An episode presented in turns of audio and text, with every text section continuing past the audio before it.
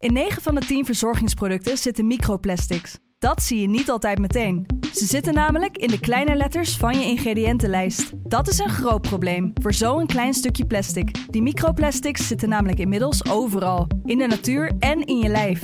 Gelukkig zijn er ook merken die gewoon microplastic vrij zijn. Want dat het anders kan, dat weten we bij Beleda, Lekker Company, Marcel's Green Soap, Naïef, Smaal en Witlof wel. Dus check de kleine letters. Die hebben de grootste impact. Deze podcast is mede mogelijk gemaakt door Obam Investment Management. Al ruim 85 jaar Nederlandse beleggingshistorie met beleggen in aandelen wereldwijd. Ervaren, actief en met een duurzaam rendement investeren in uw financiële toekomst. Obam Investment Management, de kunst van het kiezen. Kijk op obam.nl voor meer informatie. Ik als ik dan die beelden zie van die, van die boze boeren in Brussel. Ja, ik Ja. vind het überhaupt niet zo sympathiek natuurlijk. Om eh, de boel daar te verstieren en de banden in de fik te steken. Maar Mhm. ik, ik ben dan heel vaak zoiets van, maar waar gaat het nu precies over? Ja. Dat is inmiddels ook zo Dit is ingewikkeld geworden. hè? Kwestie van centen. Een podcast van de Financiële Telegraaf met Martin Visser en Robert Ophorst. Ik ben echt alles kwijt, behalve de tijd. Dus ben ik elke dag op reis, want de wereld is van mij. Welkom in Europa. Blijf hier tot ik doodga. Europa pa. Europa pa. Was getekend Joost Klein in onze Ja. Songfestival inzending Europa pa. Martin, jij als muziekliefhebber. Zie je het dacht- een beetje zitten straks in Malmö met het nummer? Eh, ja, ik dacht heel even dat je à la Martin Bosma nu de podcast elke keer met, met een gedicht ging beginnen. Maar op een gegeven moment viel het kwartje. Ja, nou, we, Ja, we kunnen ja. dat ook starten. eh, dat we vanaf nu elke podcast eh, met, een, eh, met een songtekst beginnen. Ja, maar dan liever iets ander genre als het even kan. Geen fan? Geen, eh, Nee, totaal niet. Zie je het niet Nee. zitten? Nee, oh nee, ik bedoel, dat maakt, dan, maakt me even geen reet uit.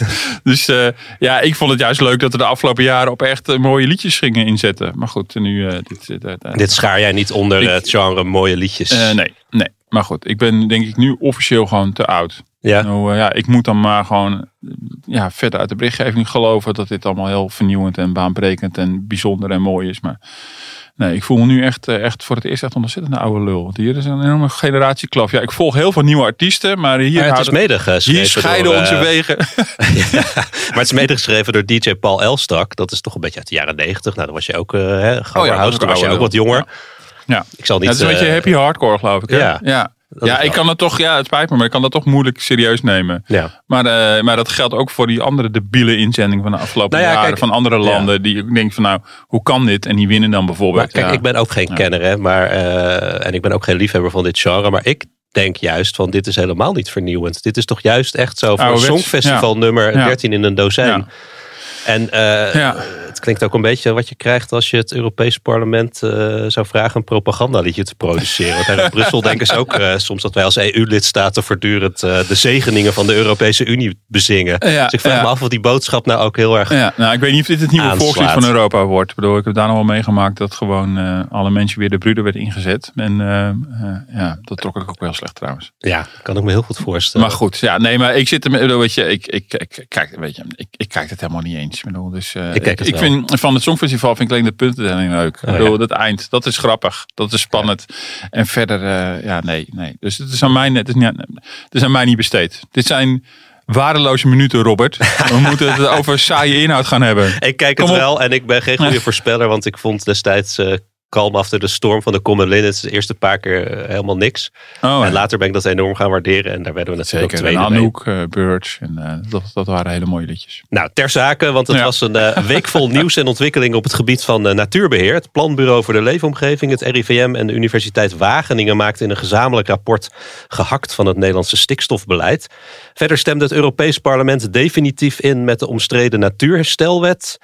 Critici vrezen dat we onszelf daarmee eh, hebben opgezadeld, eh, opgezadeld met een tweede stikstofcrisis. En een opsteker was er ondertussen voor de zogenoemde pasmelders, bedrijven die zonder natuurvergunning zitten. Een uitspraak van de Raad van State geeft die eh, 2500 bedrijven weer een beetje lucht. Maar hoeveel lucht is er na deze week eh, over voor onze agrarische sector? En kan Nederland ooit nog van dat stikstofslot af? Of dreigen we juist verder weg te zakken in een moerasvol regelbrei? Al die huizen die we moeten bouwen en die infrastructurele projecten waar de rem op is gezet, raken die nog verder uit zicht? We gaan het erover hebben in deze kwestie van centen. Kijk we naar 2030 bijvoorbeeld, dan is 31% van de natuurgebieden zit op de goede waarde van de stikstofgevoelige natuur.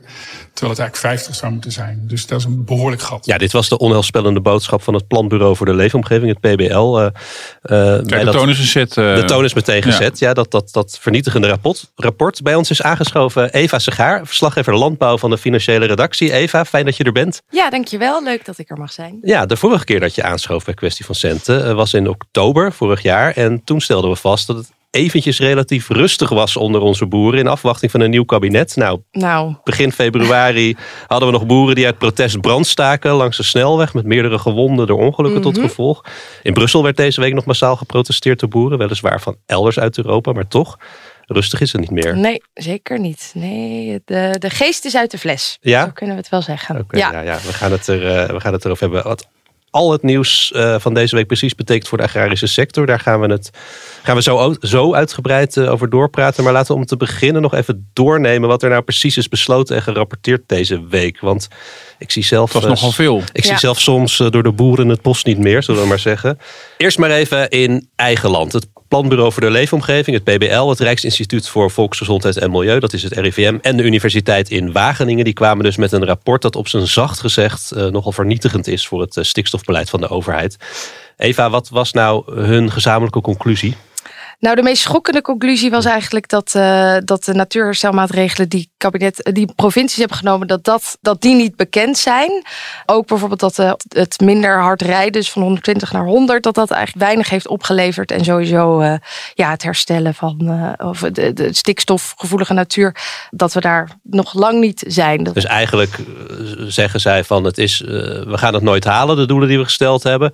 We meten ook niet de effecten van wat we al doen. Dus we weten eigenlijk helemaal niet wat het effect is. En er is ook geen enkele sprake van dat die, uh, dat die natuur, uh, die overbelaste natuur aan het herstellen is. En dat er uh, ook die vergunningverlening vergemakkelijkt wordt. Dus ja. dat, dat slot blijft er gewoon op. Ja. Dus, ja. Kan, zo ja. kan ik het samenvatten. Ja. ja, ik vond het ook wel inderdaad opvallend. Natuurlijk inderdaad, dat, bedoel, dat er inschattingen zijn dat het allemaal niet genoeg is.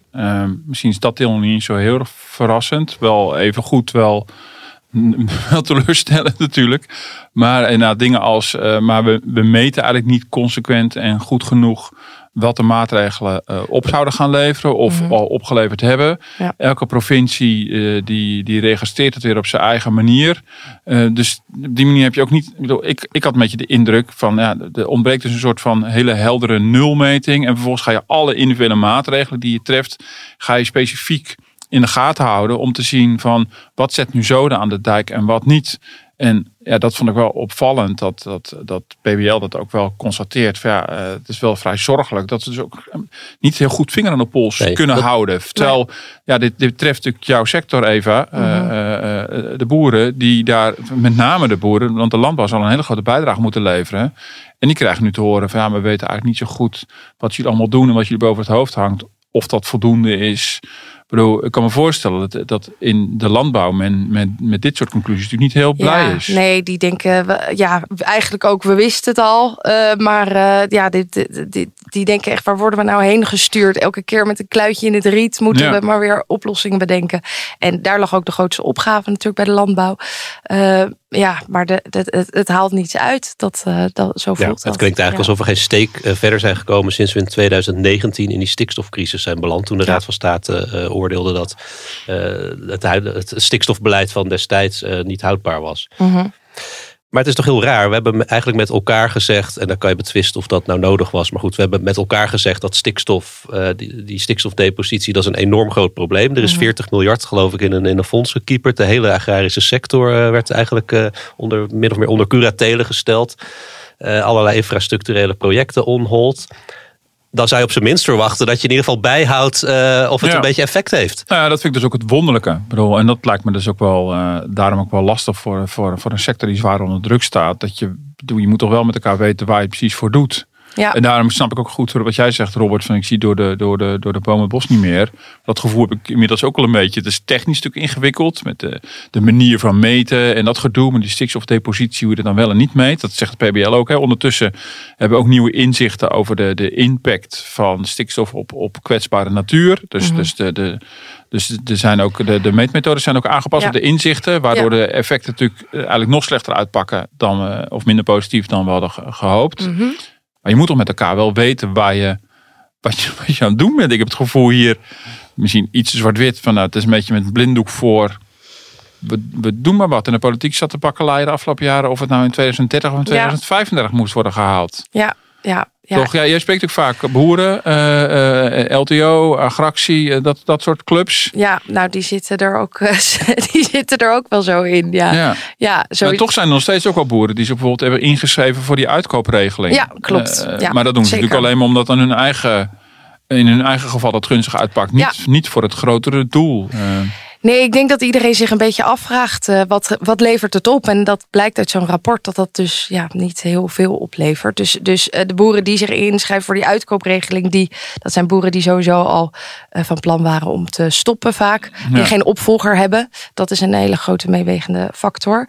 Ja, en heel veel hebben zich ook ingeschreven om meer te kijken van nou, ik ben benieuwd wat, wat mijn opties zijn. ja. En dan ga ik daarna even Want je overwegen. zit er niet aan vast, je schrijft je Zit in er niet en, aan dan, vast. en dan zie Nee. je wel. Ja. Bijvoorbeeld kippenboeren en eh, eh, varkenshouders, die hadden een heel goed jaar afgelopen jaar. Dus die gaan gewoon kijken van, nou, wat, wat bieden ze? Ja. En eh, misschien eh, is het lucratief, maar zo niet, eh, dan, dan, ja, Ja. Ja. dan niet. Die uitkoopregeling is ook verlengd, hè? ondanks dat ze eigenlijk tot april dit jaar lopen. Maar nu eh, kan je nog tot, tot eind dit jaar daarvoor inschrijven, begreep ik. Ja. En vorige keer vertelde jij dat het nou ook niet echt storm loopt. Nee, Denk Nee. jij dat eh, zo'n zo'n zo'n rapport eh, als van deze week, dat dat dan eigenlijk hun, die boeren meer munitie geeft om, om, om juist door te zetten? Zo van, voelen zij zich gesterkt door zo'n rapport? Of zien ze dit juist als een nieuwe, een, een, een nieuwe, een nieuwe onheilstijding? Ja, ik denk eh, dat ze eerder kijken naar de Natuurherstelwet als nieuwe onheilstijding.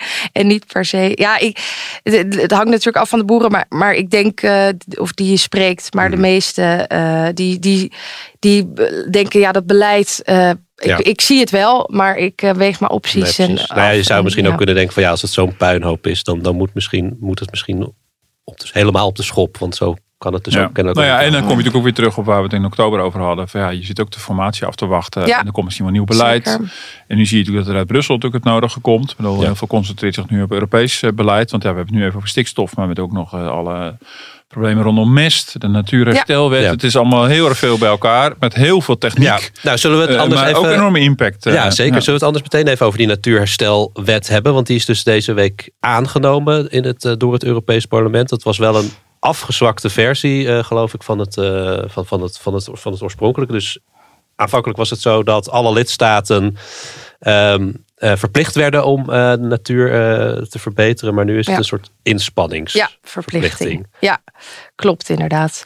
Eh, het Europees Parlement heeft ermee ingestemd. Ehm, maar wat wel opvallend is, is dat we hadden eerst te maken met meer richtlijnen. Dus je had de habitatrichtlijn en de nitraatrichtlijn. Daar komt ook die stikstofopgave vandaan.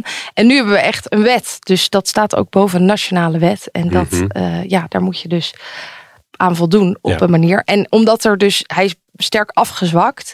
eh, maar daardoor zijn er ook bepaalde ja, dingen uitgehaald die voor onduidelijkheid kunnen zorgen. En waardoor we maar moeten kijken wat het, wat, Ja. het, wat het gaat doen. En dat hangt ook af van rechtszaken. En daar. Maar zo'n afzwakking is niet per se dan goed nieuws. Nee, dit, nou ja. kan juridisch onzekerheid Juridisch geven. kan het onzekerheid geven. Ja. En dat, eh, dat kan koren op de molen zijn voor eh, milieuclubs zoals MLB. Ja. Die dat Ja. hebben met stikstof Ja, want dat was gezien. de strijd in Europa. Dat is een origineel plan van Frans Timmermans. En, eh, maar Ja. je ziet natuurlijk wel dat, eh, dat, dat, dat de politieke wind die er waait in, in Brussel echt wel aan het veranderen is. Men voelt denk ik in het licht van aankomende verkiezingen ook wel de druk vanuit, Mhm. eh, vanuit eh, meer populistische partijen of, of meer nieuwe opkomende partijen. Eh, Ja. Dus in die zin, die boerenprotesten die sluiten daar natuurlijk heel goed bij, bij, bij aan, zeg maar. Eh, ja, en, en je ziet ook wel dat, dat eh, de commissievoorzitter van, van de Leyen, nou, ze hebben natuurlijk Wopke Hoekstra, als, eh, de, de, de- als dat de groenste man van Brussel is, nou, dan voel je al aan dat er iets veranderd is eh, met het vertrek van de Frans Timmermans. Meer, meer realiteitszin zou je Ja, dat, dat, dat, dat kan ook. Dus, ehm, eh, dus, de, dus er is van alles en nog wat in beweging. Maar natuurlijk inderdaad de vraag, daarom vind ik het wel interessant wat je zegt, eh, Eva. je kan wel dingen uit die weg gaan slopen. Maar als inderdaad de milieubeweging dan via de rechter alsnog Ja. zijn gelijk kan halen. Blijkbaar zijn er nog voldoende aanknopingspunten Ja. in al bestaande En richtlijnen om dat te doen. doelen, of dat nou, eh, hè, of dat nou een inspanningsverplichting is of, eh, of echt eh, echt een, een harde verplichting, maar die doelen staan wel. En dan heb je het dus over 30% van de bedreigde natuurgebieden moeten in 2030 eh, hersteld zijn. Ja. Ehm, in, in, in, elke, elke lidstaat afzonderlijk, dus ook in Nederland. En in 2050 moet het gaan om 90%. Ja, dat klinkt wel redelijk absoluut.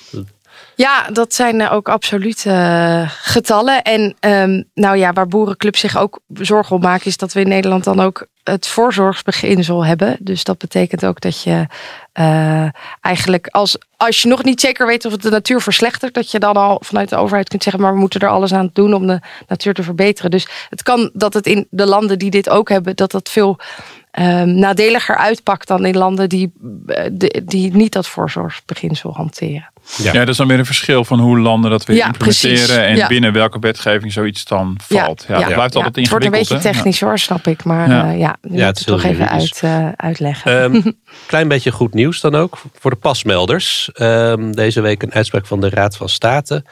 Eh, dat, ze, ehm, dat in ieder geval de provincies niet hoeven te handhaven Nee. voorlopig nog. Ja, klopt. Dat geeft een heel klein beetje lucht. Eh, een jaar ongeveer. Want eh, de pasmelders, nou ja, in 2019 eh, veegde de Raad van State dus die, eh, die pas van tafel. Dat betekende eigenlijk ehm, boeren, het zijn veel, veelal boeren die ehm, volstonden destijds met alleen een melding dat zij eh, bijvoorbeeld een uitbreiding van hun bedrijf gingen doen.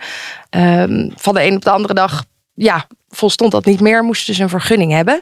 En zo is die hele pas. eh, en als je, eh, zo'n vergunning krijg je alleen als je kan aantonen dat die uitbreiding niet ten koste gaat van de Ja, natuur. precies, Voorheen kon je dat achteraf compenseren, Ja. of althans Ja. proberen te compenseren. Precies. Maar nu moet je dat vooraf hard kunnen aantonen. Ja, ja en klopt. dan gaat het om 2500 bedrijven ongeveer. Ja. En die zijn dus, eigenlijk zijn ze illegaal, Ja, maar die worden gedoogd. Ja, die worden nu gedoogd, of die werden altijd al gedoogd. Ehm, maar Mo- Mobilization of the Environment, NOB, MOB, die ook zorgde voor die hele pas uitspraak Dat zijn eigenlijk. die, Dat was hun de zaak. natuurclubs van Ja. onder andere Johan Vollebroek. Vollebroek, die veel procederen. Precies.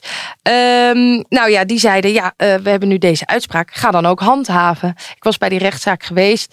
Er zitten daar dan ook boeren in de zaal en die voelen zich echt, eh, die denken, ja, hallo, eh, ik, voel, ik heb alleen maar gedaan wat moest. En vervolgens eh, wordt er ook nog verzo- verzocht om handhaving. Ja, ik vond dat wel schijnend om te zien hoor. Maar eh, stel dat ik ben een kippenboer. Ik heb destijds eh, uitgebreid, en, maar niet, niet die vergunning gekregen, maar ik word gedoogd. Ehm, wat zou dat dan betekenen als er wordt gehandhaafd? Betekent dat dat ik mijn bedrijf gewoon moet sluiten? Moet, of moet Ja. ik die uitbreiding terugdraaien? Ja, dat bijvoorbeeld. Ja, dat ligt denk ik aan wat je hebt gedaan ermee. De- dat is dan ook Ja. eh, afhankelijk En van die, die, die rare status die zij nu hebben, dat ze gedoogd worden. Ja. Wat, wat betekent dat concreet voor zo'n voor zo'n agrariër? Nou- betekent dat, kan je dan wel een normale bedrijfsvoering Ja, eh, je voeren? kunt op dat wel. Alleen het probleem is eh, als jij een andere nieuwe lening wil van de bank of iets anders, er moet iets vervangen worden bij je stal, is dat heel lastig. Want ja, je bent in feite illegaal, dus dat geven ze niet. Eh, dus dat zorgt voor enorm veel onzekerheid. En ehm, nou ja, de rechter heeft nu gezegd eh, we- tot 2025, ook omdat de overheid daar zelf dat jaartal de hele tijd heeft genoemd van dan hebben we een oplossing voor de pasmelders. Eh, dus ja, daar zit nu extra haast bij. Ehm, Maar kan, dat, maar kan dat eigenlijk wel? Ik bedoel, kan een demissionair kabinet dit nog oplossen? Of, of is het automatisch aan formerende partijen? Nou, dat, ja, ik, ik neem aan dat ze daar wel mee aan de slag gaan. Want ze hebben nog maar heel even. Dus ja, Ja. ik weet niet of ze het helemaal kunnen oplossen. Maar dat moet, ja, die, er moet wel ruimte komen om die pasmelders te legaliseren. Dat roepen ze natuurlijk al Ja. heel lang. Maar nu, Ja. dit geeft extra druk. Maar, ja. maar die ruimte moet je natuurlijk wel ergens vandaan halen. Ja, klopt. Toch? Je kan ze niet zomaar ineens alsnog een vergunning geven. Nee, klopt. En als Schiphol eh, een deel opkoopt bijvoorbeeld, Ja. dan uh, ja, dat, uh, dat gebeurde natuurlijk ook. Ja, en de, en de stikstofruimte die ontstaat, die, uh, die is natuurlijk aanvankelijk bedoeld voor natuur. Ja. En niet voor uh, boeren die bij nader inzien illegaal. Nee, klopt. Maar ze hebben wel gezegd met de uitkoopregeling wat daar vrijkomt, dat, ze die, dat die naar de pasmelders uh, ja, die gaat. heeft dan voorrang. Ja, dat heeft voorrang. Ja. ja maar goed, je noemt Schiphol niet voor niks. Ik bedoel, er zijn ook andere kapen Ja, op de kust die zeker. ook die ruimte opkopen. Mm -hmm. Ja, ja. Laten we het zo even wat uitgebreider hebben over die agrarische sector. Nog even, Martin, we hadden het deze week heel even over hierover. Toen zei jij van ja, jij als natuurliefhebber bent in ieder geval wel voor het beschermen en het herstellen van natuur. Dus jij... Ja, in zijn algemeen zonder het, ik bedoel, eh, zeker. Ik bedoel, eh, dingen als een natuurherstelwet, daar heb ik niet meteen een hele negatieve associatie bij. Nee. Maar goed, dan gaat het natuurlijk vervolgens om van, maar wat wordt er precies geëist en is dat realistisch en, en hoe worden de economische belangen en de natuurbelangen gewogen? Maar inderdaad, eh, jij is een natuurhater. Ik bedoel, meteen zoiets van, eh, van weg met die natuur. Ik ben nou, zeker geen ja, natuurhater. nee, maar ik ben dus niet de- automatisch heb ik daar slecht. Ik denk van nou, ik vind, ook- ik vind, ik vind het een prettig idee Ja. dat er ook ergens in deze hele belangenstrijd ook iemand opkomt voor, Ja. voor die belangen. Nee, nee. Maar het moet natuurlijk wel realistisch zijn. Alleen dat zie ik ik vind, ook wel. natuur wordt soms, lijkt soms iets heel absoluuts. Zo van de natuur. Ja, en de natuur waar, mag ja. niet verslechteren. En dan is het ook een beetje de vraag van, ja, wat, wat is dan verslechteren? Hoe meet je dat? Wat is en wat natuur? is, de, wat is natuur? In Ja. Nederland hebben we natuurlijk heel veel, bijna misschien alleen nog maar aangelegde natuur. ja. eh, gecreëerde natuur. En ja, is het dan erg als een, een helmgras wat daar misschien sinds vorige eeuw groeit, Ja. zou verdwijnen en daar iets anders voor in de plaats komt? En wat ben je bereid om daarvoor op te offeren? Nee, precies. Nee, dat, en dat is natuurlijk wel terecht. Want er wordt ook vaak gezegd van we moeten, de, natuur moet weer terug naar zoals het historisch was. En dan is het ook een keuze wanneer was dat dan? Ik bedoel, gaan we terug naar de natuur van 1900 of gaan we terug naar de natuur van 500? Ik bedoel, dat, bedoel, dus in Ja. die zin, eh, en in Nederland hebben we al een hele lange traditie voor mij van echt gecultiveerde natuur. Dus, eh, eh, dus dat is, nee, dat is, dat is absoluut waar. Dus, maar weet je, dit is gewoon weer een persoonlijk belang. Bedoel, ik hou van wandelen en van vogeltjes kijken. Eh, eh, dus in die zin, eh, maar dat is, dit is typisch een voorbeeld van hoe dus die belangen tegen elkaar, met elkaar kunnen botsen. En dan gaat inderdaad, we hebben in Nederland natuurlijk een hele discussie gehad over of bij ons niet te veel versnipperd is. Of Nederland niet in verhouding veel te veel natuurgebieden heeft vergeleken met andere landen. De, doen, hebben we dat allemaal wel logisch gedaan of maken we het onszelf veel en veel te moeilijk. Maar in de basis denk ik, nou, natuur, een natuurherstelwet, daar krijg ik een, op zichzelf een goed gevoel van. Ja, Dus, en ik, eh, ik wil helemaal aan niemands eigendom komen, maar laten we ook beginnen met die verschrikkelijke betegelde tuinen weer te vergroenen. Dus eh, kijk, dus een, op zich, de, kijk, eh, ik als vogelliefhebber ben er heel blij mee dat boeren gestimuleerd worden om ook aan, aan, aan natuurbeheer te doen. En dat er boeren zijn die bijvoorbeeld een deel van hun land onder water laten lopen, zodat Ja. de grutto daar eh, Ja. kan. Ik bedoel, onze nationale vogel, eh, dat ging echt gewoon helemaal down the hill. Eh, ik heb hier al eerder verteld dat ik in de, in de zomervakantie wel eens een boek heb gelezen, een heel boek over de grutto. Ja. Nou goed, toen viel het hier even een paar minuten stil. Maar dat zijn gewoon boeken alleen maar over de grutto. Maar dat is, uiteindelijk is het een, boer, eh, is het een boek over onze landbouw. Over Ja. de- onze intensivering van de landbouw. En alles ten dienste staat van die landbouw in Nederland. Ja. En dat is inmiddels zo gegroeid en die keuzes zijn gemaakt. Maar het is wel legitiem om je af te vragen of die keuzes voor de eeuwigheid zijn. Want die hebben bijvoorbeeld ook hebben alles te maken met waterstanden bijvoorbeeld. Nou, we hebben nu een eh, probleem. Nou, dat kwam laatst ook voorbij. We hebben heel veel regen gehad de afgelopen periode. Maar onze grote uitdaging is vooral de droogte. Ja, dan is natuurlijk een legitieme vraag. Maar eh, hallo, we hebben toch heel veel water. Waar is dat water allemaal? Ja, het is aan de landbouw. Die wil natuurlijk die waterpijlen omlaag, eh, omlaag hebben. Dus, dus, eh, eh, Dus onze huizen verzakken, hè, de nou, ik, fundering kan niet alles, ik kan niet overal de boeren de schuld van geven. Maar dat heeft, het is ook wel een sector die een grote impact heeft. Ja. Op eh, niet alleen op natuur, maar ook gewoon op ons grondbeheer. En hoe we daarmee omgaan. Zeker. En in een heel vol land, Ja. waar al die belangen met elkaar botsen, kun je afvragen van, moeten we het altijd blijven doen zoals we het hebben gedaan? Dat is, eh, en dat vind ik een, eh, en kijk, als gewoon de grutto terugkomt, dan hoor je mij verder niet meer klagen. Dan ben ik gewoon gelukkig.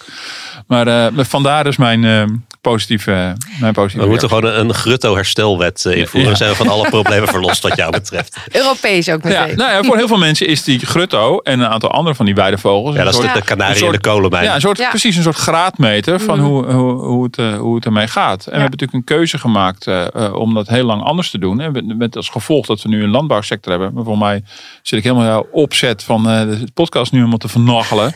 Eh, waarbij een heel kleine sector in Nederland een heel groot beslag heeft op, op de grond. En impact op, op de leefomgeving.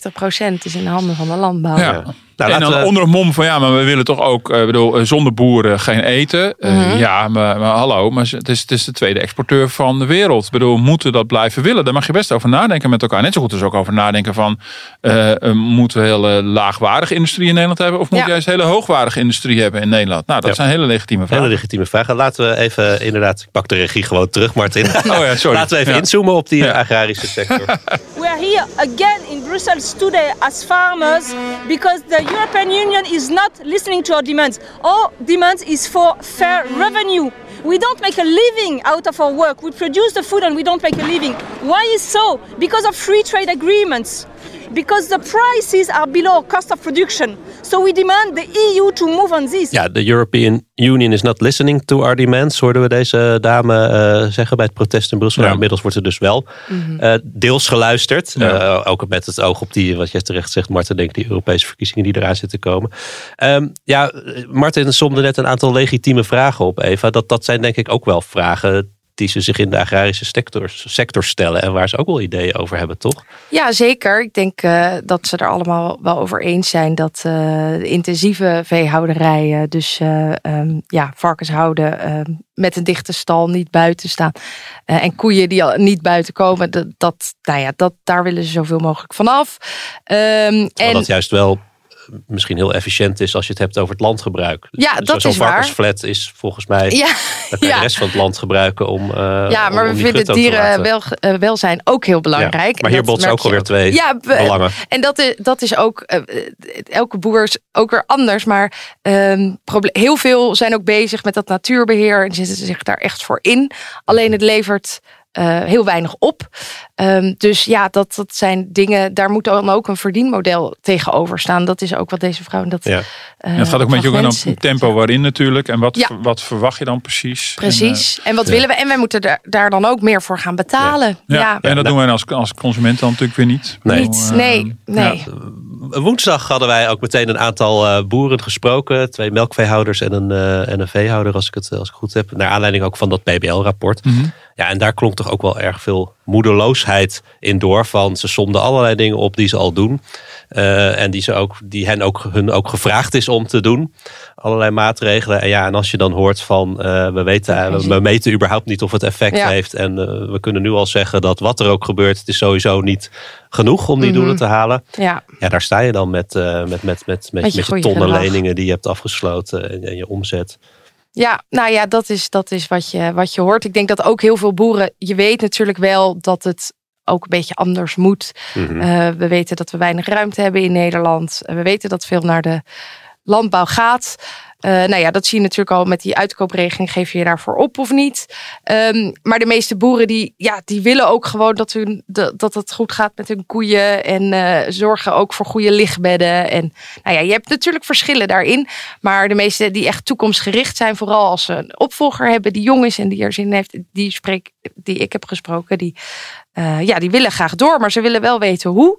En uh, ja, inderdaad, uh, nou ja, die lening moet wel, moet wel wat opbrengen uiteindelijk. Ja. Dat vond ik in het PBL-rapport wel interessant. En dat de collega Mike ook opgeschreven. Dat in het rapport ook wel geconstateerd wordt dat natuurlijk de, de, aan de kant van de boeren wordt ook van alles nog wat ge, gewenst en gewild. Aan mm. de kant van natuurbeschermers.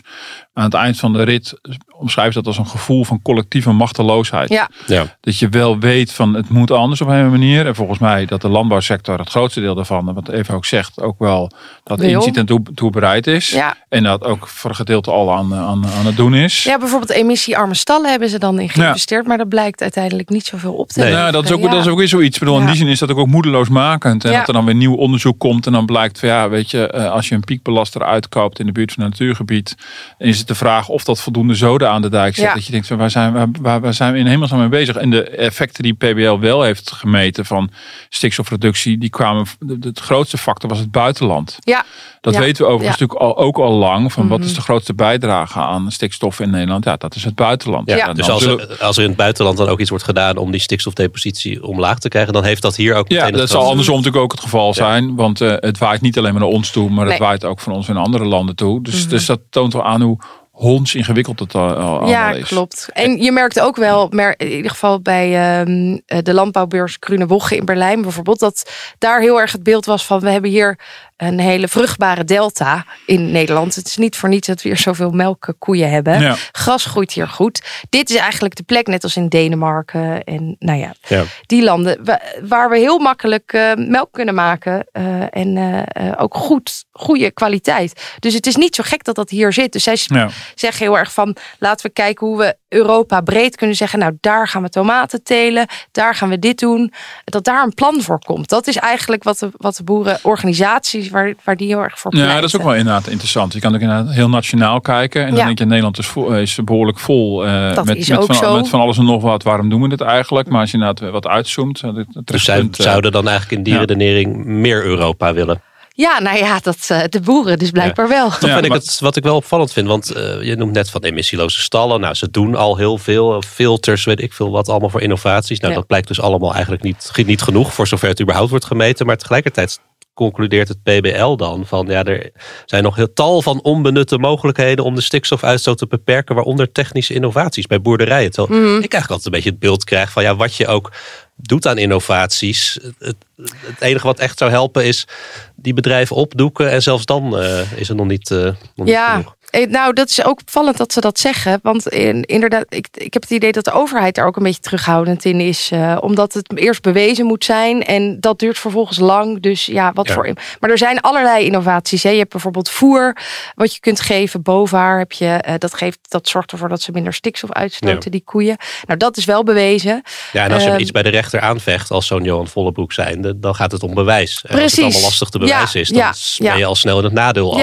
als, boerenbedrijf. Ja, ja dus dat, het, het, is- ja. En het gaat al snel om veel geld, denk ik. Ik bedoel, het zijn investeringen. Dus je zal, zal de landbouw ook naar de overheid kijken om dat te ondersteunen. ja, ja, ja. Eh, en als dan na verloop van jaren blijkt, van, oh, dit was toch een innovatie die niet zoveel heeft opgeleverd, dan zit je dan wel mooi. Dan zit je dan Dus, maar mooi. eh, ja, ja. ja. je vat het goed samen. Nou, je zei in het begin, de geest is wel uit de fles. Ehm, ja, wij hadden dus inderdaad een, een, een, een groot, groter verhaal met een aantal boeren die, eh, die, die toch wel indringend vertellen over wat het met hen doet, murgebeukt eh, Mhm. en hoe ze zich hieronder voelen. Maar soms heb je ook het idee dat wat echt in het oog springt en echt effect heeft, toch zijn die protesten. Nou, we hoorden dat fragment van die vrouw eh, in Brussel die daar eh, stond tussen de, de, de ronkende tractors en de, Ja. de brandende hooibalen.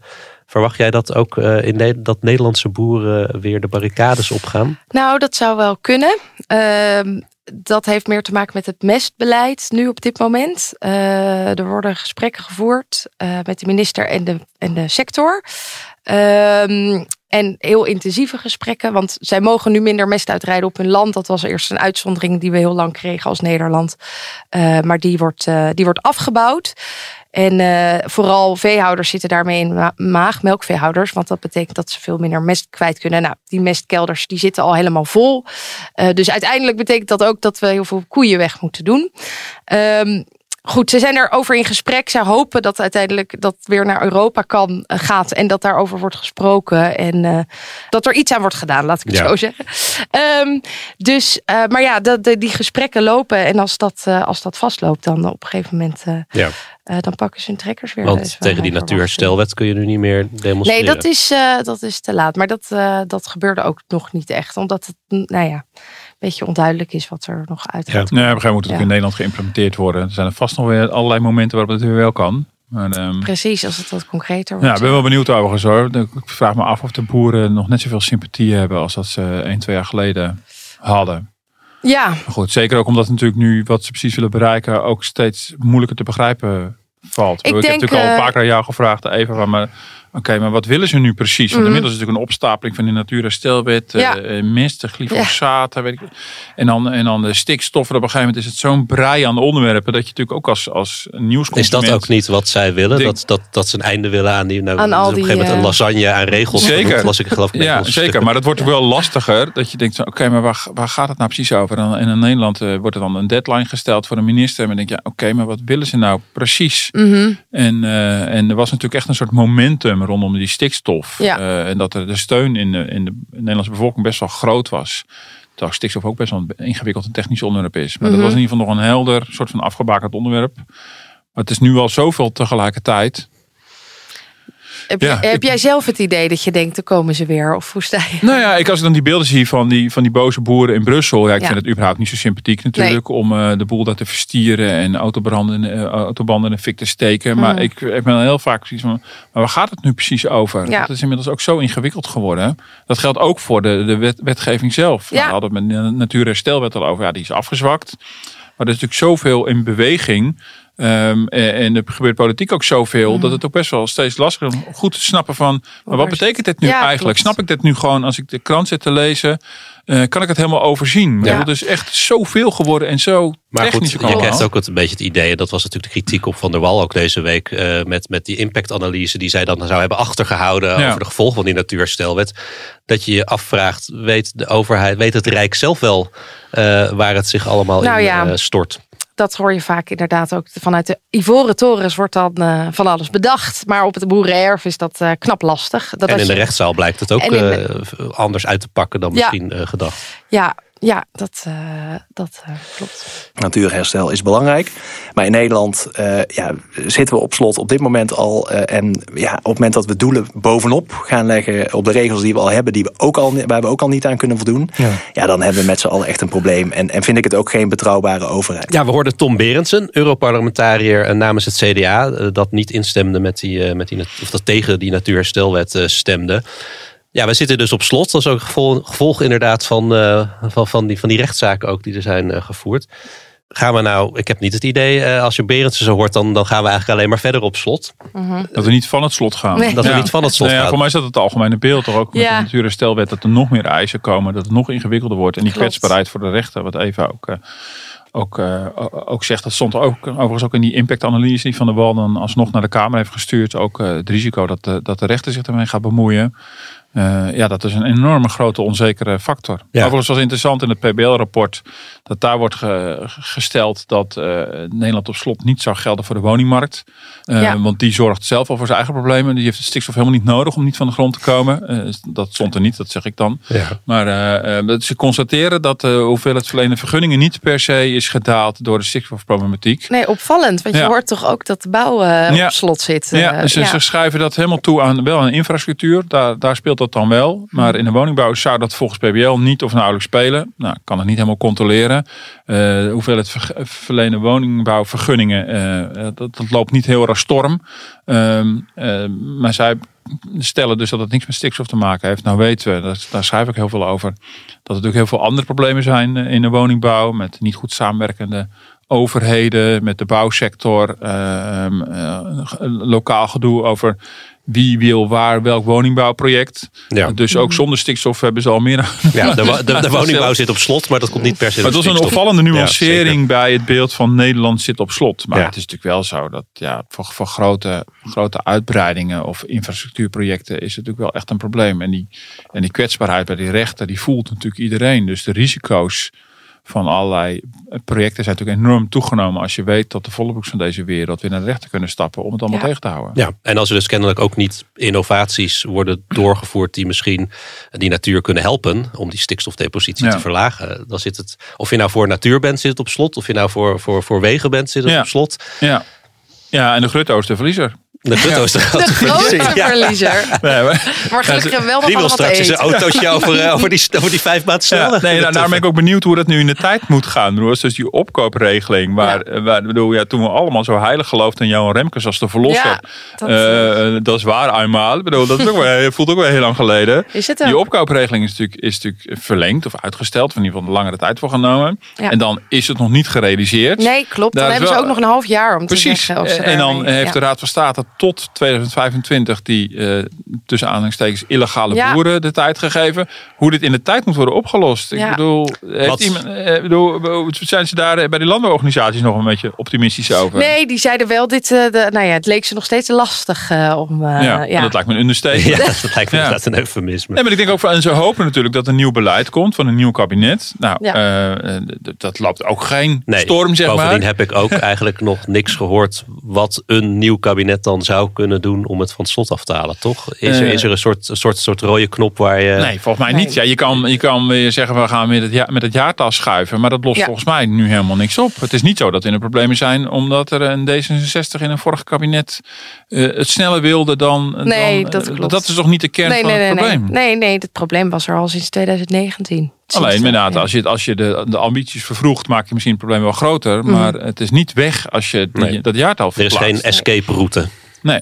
Dus, en dat wordt natuurlijk voor mij ook, eh, voor zover ik het allemaal nog kan begrijpen, ook wel door het planbureau ook wel aangegeven. Van, ja, het heeft ook allemaal te maken met de manier waarop wij dat nu in de wet hebben geregeld. Ja. De manier van meten van die stikstofdepositie. Klopt. Want als ik het goed, maar goed, verbeter me als ik het verkeerd zeg, even. De, voor mij, eh, Europa eist niet van ons een bepaalde stikstofdepositie. Ja, maar die eist gewoon dat we gewoon opkomen voor, Ja. voor de natuur. Ja. Ja, Dus maar je dan moet je kunnen toch aantonen. En wij hebben dat vastgelegd op deze manier. Ja, En dan met, een- met een rekenmodel, Met een inderdaad. rekenmodel, Een Precies. Dus als je op een andere manier zou vastleggen Ja. dat de natuur beschermd is, dan is het probleem nog niet opgelost. nee. Maar dat zou misschien wel allerlei Nou, technische dat problemen kan kunnen ook. Dat kan ook. Dus dat zou een, een oplossing, een ver- verlichting kunnen zijn. En dat je dat in ieder geval ook gelijk trekt met de buurlanden. Dus in Duitsland en eh, hoe daar op die manier. En voor het gevoel van rechtvaardigheid is het natuurlijk wel goed. Maar goed, Dat eh, denk ik ook, ook. België zit hier trouwens mee. Hè? Ik bedoel, Ja. We zijn echt niet de enige in Europa. Bedoel, we zijn soms gekke Maar eh, eh, ook in Europa, in Brussel speelt dit natuurlijk Ja. volop. Waar zit België niet mee, vraag je soms af. Maar. Nee, nee, maar goed, bedoel, het is niet zo dat we helemaal de, enige zijn eh, die hiermee zitten. Maar ja, dat le- inmiddels levert het natuurlijk ook weer grensconflicten op. Hadden we onlangs ook berichten over eh, de, de bouw van een groot industrieel complex op de, in België op de rand van de Nederlandse grens. Heeft ook weer te maken met wat is, de, wat is het effect voor Nederlandse natuur. Mhm. Ja, dus in die zin is het een kluwe, jongens. Ik bedoel, Ja. En een nieuw kabinet, als dat er al komt. Eh, en- als het de wet wil aanpassen, hoeveel tijd zijn we dan verder? Ja, dat is de vraag. Ja. Nou, Ja, ik eh, heb er ook geen antwoord op. Nee, maar wij kijken verwachtingsvol Ja. naar jou voor, de- voor het antwoord. Maar, eh, Nee, helaas. Ja, Maar dat weet je nee, natuurlijk bij LTO zo natuurlijk ook niemand. niet. Nee, nee, nee, nee. Het is echt een grijs gebied. En Ja. heel, heel veel onzekerheid. En dat, die, voor de boeren die daar al heel lang in zitten, is het echt wel, nou ja, mur gebeukt. Ja, ja, nou, dat is dat collectieve gevoel van machteloosheid. Ja, Nou, dan blijven we hangen in die machteloosheid eh, voorlopig. Eva, Oh, ik, eh, ik dank je hartelijk voor jouw komst. En eh, ongetwijfeld tot de volgende keer. Dank je wel. graag gedaan. Dan rest ons niets anders dan onze afsluitende rubriek de rondvraag. Nou, de gemeentelijke belastingaanslag lag weer op, op de mat ja. afgelopen week. En wij hebben in 2019 ons huis gekocht. En afgelopen jaren was elke keer de, de WOZ-waarde van ons huis gestegen.